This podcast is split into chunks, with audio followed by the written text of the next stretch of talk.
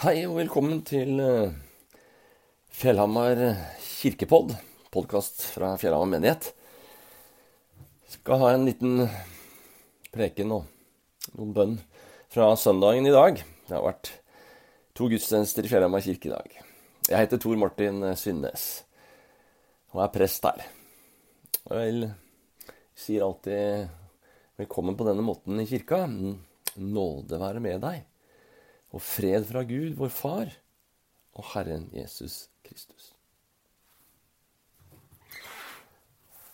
Søndagen i dag, den eh, kalles høstens påskedag. Så det er litt sånn påskestemning i dag på denne søndagen her. Og da er tekstene Det skjønner du fort når jeg skal lese nå fra Lukas kapittel 7. Det handler om liv og død, og at Jesus er sterkere enn døden. Det er flott. Jeg leser fra Lukas kapittel 7, vers 1 til 11. Kort tid etter ga Jesus seg på vei til en by som heter Nain. Disiplene og en stor folkemengde dro sammen med ham. Da han nærmet seg byporten, ble en død båret ut til graven. Han var sin mors eneste sønn, og hun var enke. Sammen med henne kom et stort følge fra byen. Da Herren fikk se enken, fikk han inderlig medfølelse med henne og sa, Gråt ikke. Så gikk han bort og la hånden på båren. De som bar den, stanset, og han sa, Du unge mann, jeg sier deg, stå opp. Da satte den døde seg opp og begynte å tale og Jesus ga ham til moren.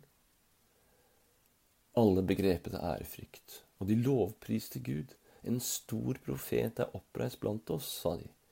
Gud har gjestet sitt folk. Dette ordet om han spredte seg i hele Judea og området omkring.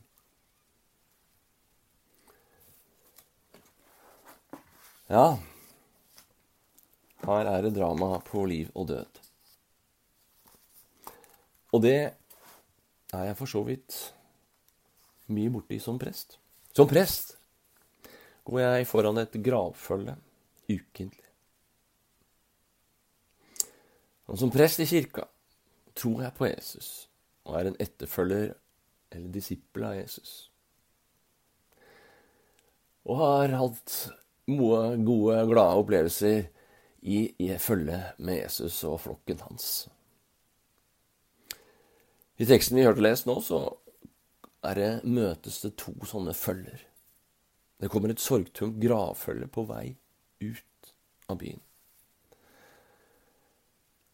De var sterkt preget av enken som hadde mistet sin eneste sønn. Og på vei inn i byen kom Jesus med et følge av disipler. De kom fra en naboby hvor de hadde akkurat opplevd Jesus gjøre et under. De var glade og feststemte. Og der møttes de. Og jeg kan kjenne meg hjemme, kjenne meg at jeg kjenner meg igjen i begge følgene. Jeg har følt og lidd inderlig med sørgende i mange gravfølger på vei til grav. Og jeg har mange ganger vært glad over opplevelser i kirka med Jesus i fellesskapet, som har vært oppmuntringer til tro og glede. Men jeg har aldri vurdert å stoppe et gravfølge. For å be som Jesus gjorde, den døde om å stå opp. Hvis noen hadde gjort det, ville jeg nok heller bidratt til tvangsinnleggelse enn å be med personen kanskje. Men hadde jeg kommet i en situasjon hvor noen plutselig en ulykke døde rett foran deg, og ikke minst hvis det var en av mine kjære, barn eller barnebarn, som plutselig falt om, så ville jeg, etter å ha ringt 113 og gjort alt de sa, ikke gjort noe annet enn å be og rope til Gud om hjelp, om nytt liv, om redning, om et mirakel.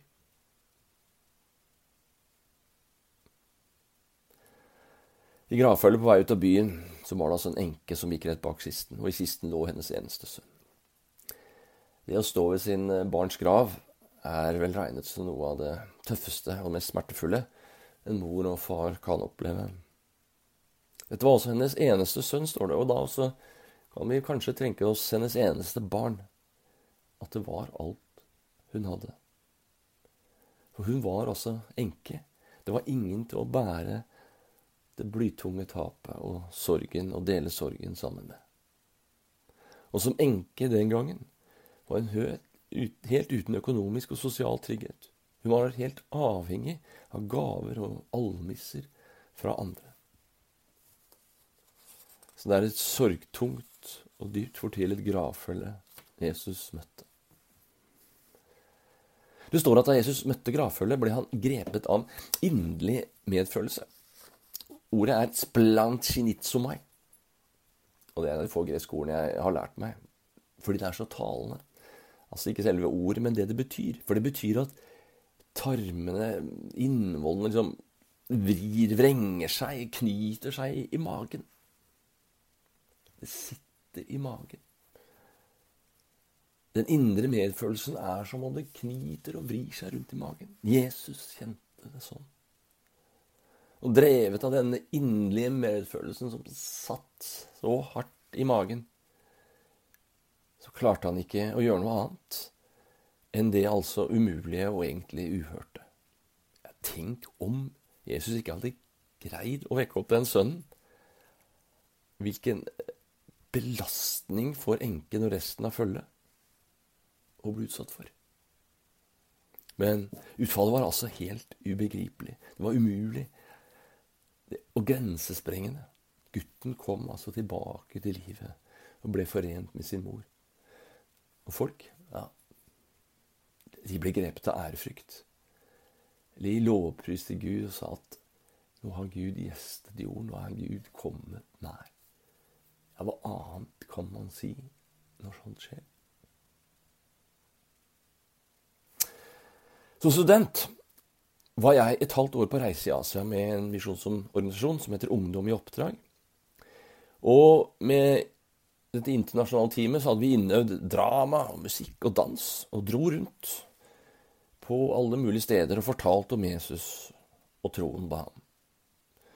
Og etterpå så snakket med folk som hadde spørsmål om tro, så at de kunne engelsk eller med en tolk, og så ba vi også for og med de som ønsket det et av de fattigste områdene vi var når vi var i Filippinene.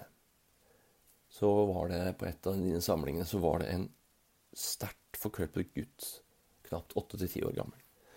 Og det tomme blikket hans og håpløsheten i hele situasjonen, det satte seg i magen min. Splansninitsomai. Inderlig medfølelse. Dyp fortielse. Vi kunne ikke snakke sammen. Jeg hadde ikke noen tolk. Men inderlig medfølelse stoppes ikke av det. Vi kommuniserte på et eller annet vis, men mest og først og fremst så ba jeg, som jeg vel aldri hadde gjort verken før eller siden. Jeg ba lenge og inderlig. Jeg, jeg tagg, eller jeg kan vi tro jeg sier, jeg kommanderte nesten Gud om at er det én gang, Gud, du kan svare på bønn, om det er én gang du kan gripe inn når jeg ber, så er det nå. Det skjedde ikke noe den timen jeg ba. Kanskje det skjedde noe etterpå. Hvem vet?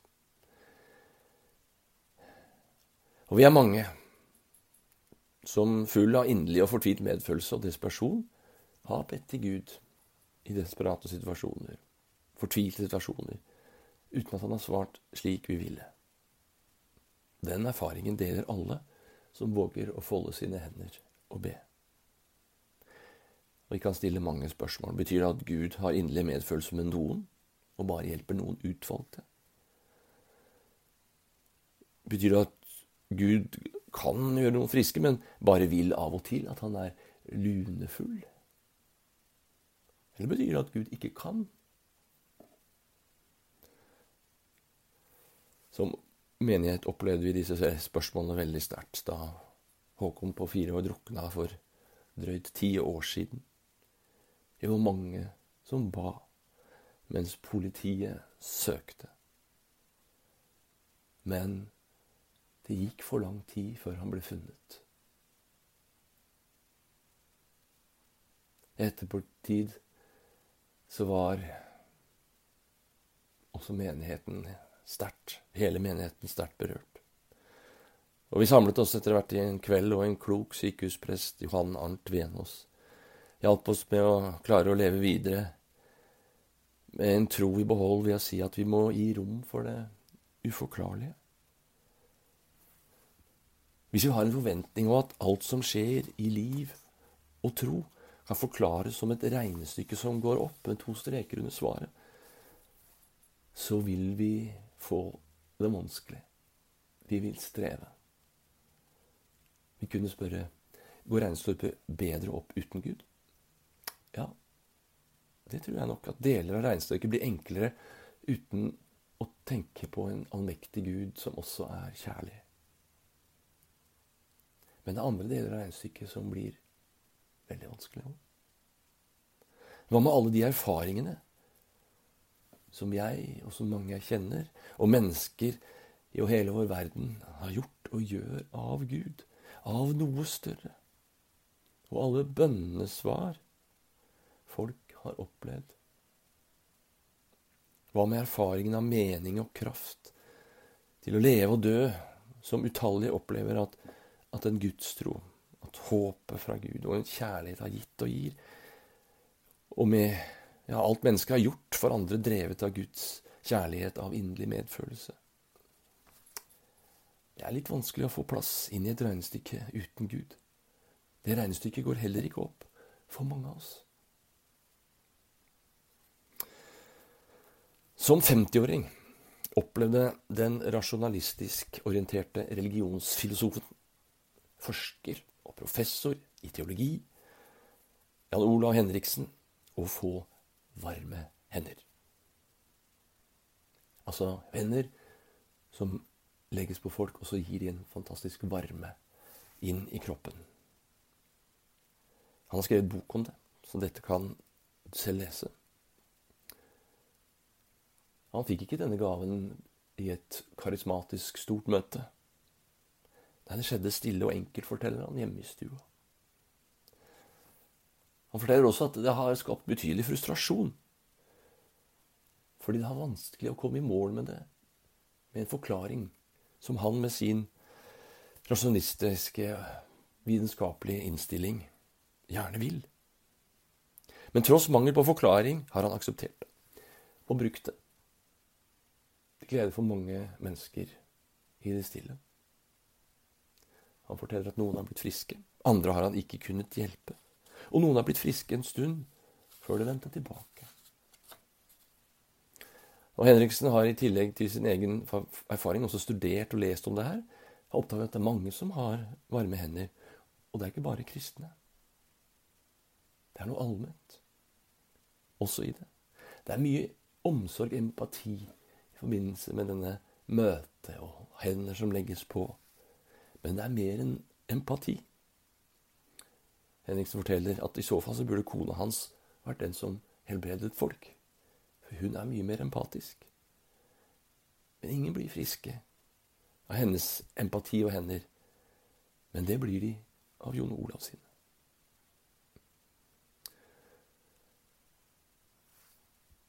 Men selv om dette er uforklarlig for for eh, professoren så er han opptatt av å plassere Gud da bare i det som er uforklarlige. Men å se Gud i alle ting, ikke bare i varme hender. At alt er et under. Livet er et under. Inderlig medfølelse er et under. Naturen og skaperverket er et under. Å leve med tro og håp i vår verden er et under. Et nyfødt barn er et under. Alt medisinen kan gjøre for oss, er et under. Han spør også om det krever å, bli, å tro for å bli helbredet av varme hender. Nei, ikke betydning av at man tror man blir frisk, sier han.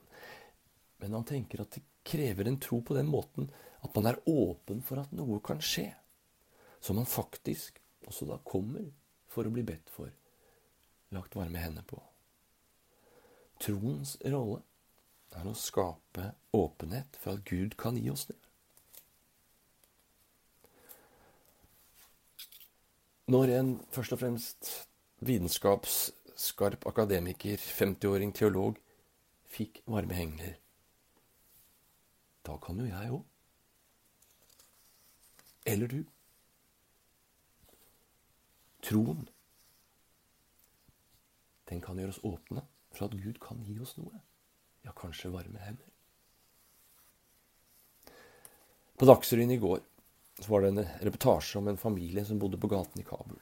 De var kommet inn fra landsbya, bygda, for helsehjelp til, til sin sterkt brannskadde sønn på et par år. De var mor, bar og fire barn. De hadde ikke penger til mat engang. Og langt fra dyre medisiner for å lindre smertene til toåringen. De bodde på gata under noe laken og en presenning. Og faren ble spurt av reporteren om hva han tenkte om fritiden. Han så få eller ingen muligheter. Hvem har tid til å hjelpe dem? Bare Gud kan hjelpe, avsluttet han. Det var hans eneste og siste håp. Ja, Kan Gud hjelpe? Bryr Gud seg om en familie i Afghanistan? Ja. Gud har inderlig medfølelse. Det knyter seg i magen til Gud i møte med denne mannen, familiefaren og familien hans. Det forteller Bibelen oss. Det er det gudsbildet vi det fortelles overalt.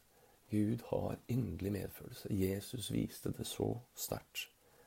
Han er full av kjærlighet og medfølelse med oss alle sammen. Og Jesus har bedt alle som vil ligne ham, om å ta del i Guds sblansinitsomai, inderlige medfølelse. Om å stille sine hender og føtter til rådighet for det. For varme hender og inderlig medfølelse er det vi alle, alle trenger mer enn noe annet. For det første så trenger vi varme hender som ber, og da gjerne helbreder òg, og gjør helt. Så la oss folde våre hender, eller legge våre hender på hverandre i bønn. Be naturlig og frimodig om det som plager oss, om helse og helbredelse. Og så overlater vi svaret til Gud. Men la oss så folde varme hender og be for rettferdighet. Om vilje til å dele, om vilje til å leve enklere for våre søstre og brødres skyld i en stor verden, ikke minst de fattige. For rettferdighetens og klimaets skyld, vår felles jordkloders skyld. La oss be om med varme hender til å vilje til å gi av vår overflod både penger og arbeid og tid. For det andre så trenger vi varme hender som arbeider. Inderlig og praktisk med omsorg på så mange vis. For å avhjelpe nød og dele Guds kjærlighet og stå opp for rettferdighet der vi bor, i gata vår, bygda vår og ut i den store verden. Varme hender og føtter trengs i kjærlighetens tjeneste for våre barn, våre familier nærmeste, våre venner og våre naboer.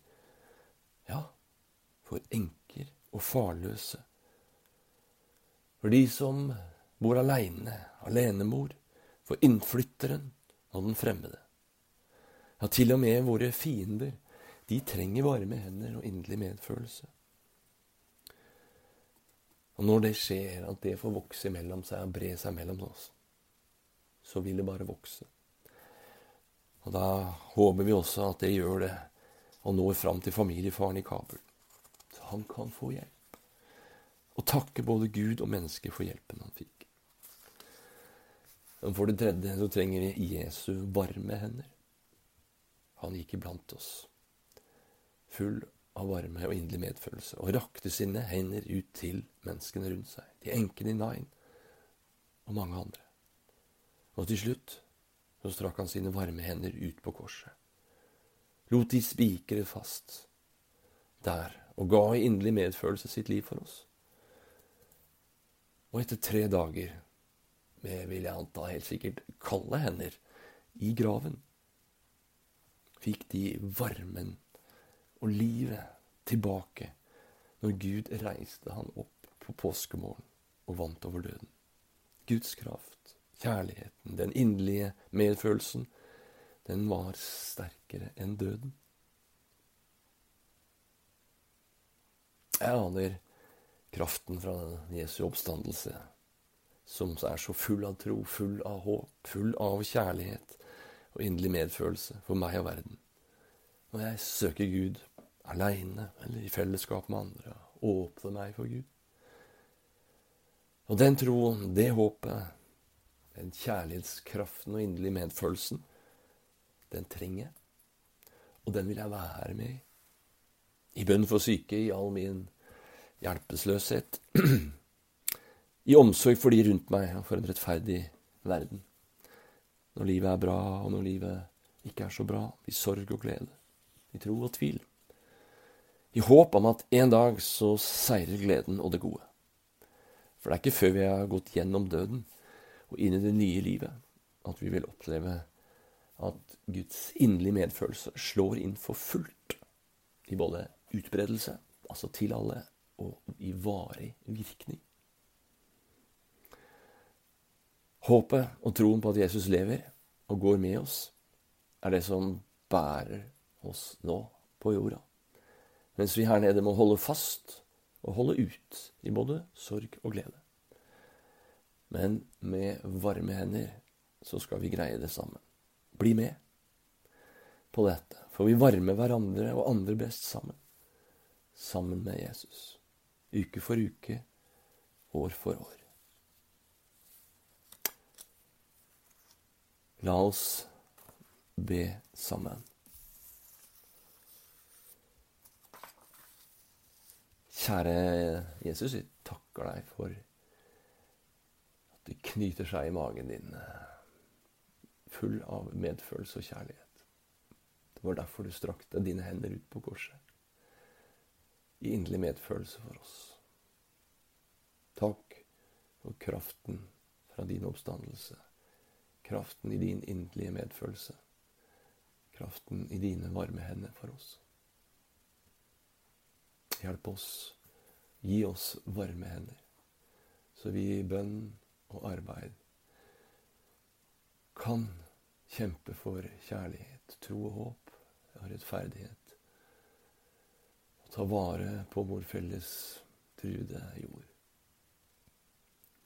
og hverandre.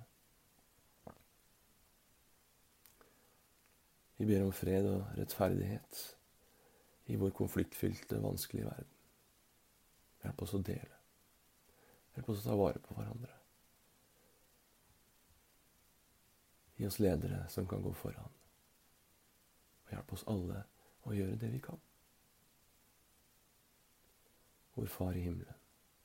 La navnet ditt helliges. La riket ditt komme. La viljen din skje på jorden slik som i himmelen. Gi oss i dag vårt daglige brød, og tilgi oss vår skyld, slik også vi tilgir våre skyldnere. Og la oss ikke komme i fristelse, men frels oss fra det onde. For riket er ditt, og makten er en i evighet. Amen. Ta imot velsignelsen Herren velsigne deg og bevare deg. Herren la sitt ansikt lyse over deg og være deg nådig. Og Herren løfte sitt åsyn på deg og gi deg fred. Amen. Takk for i dag.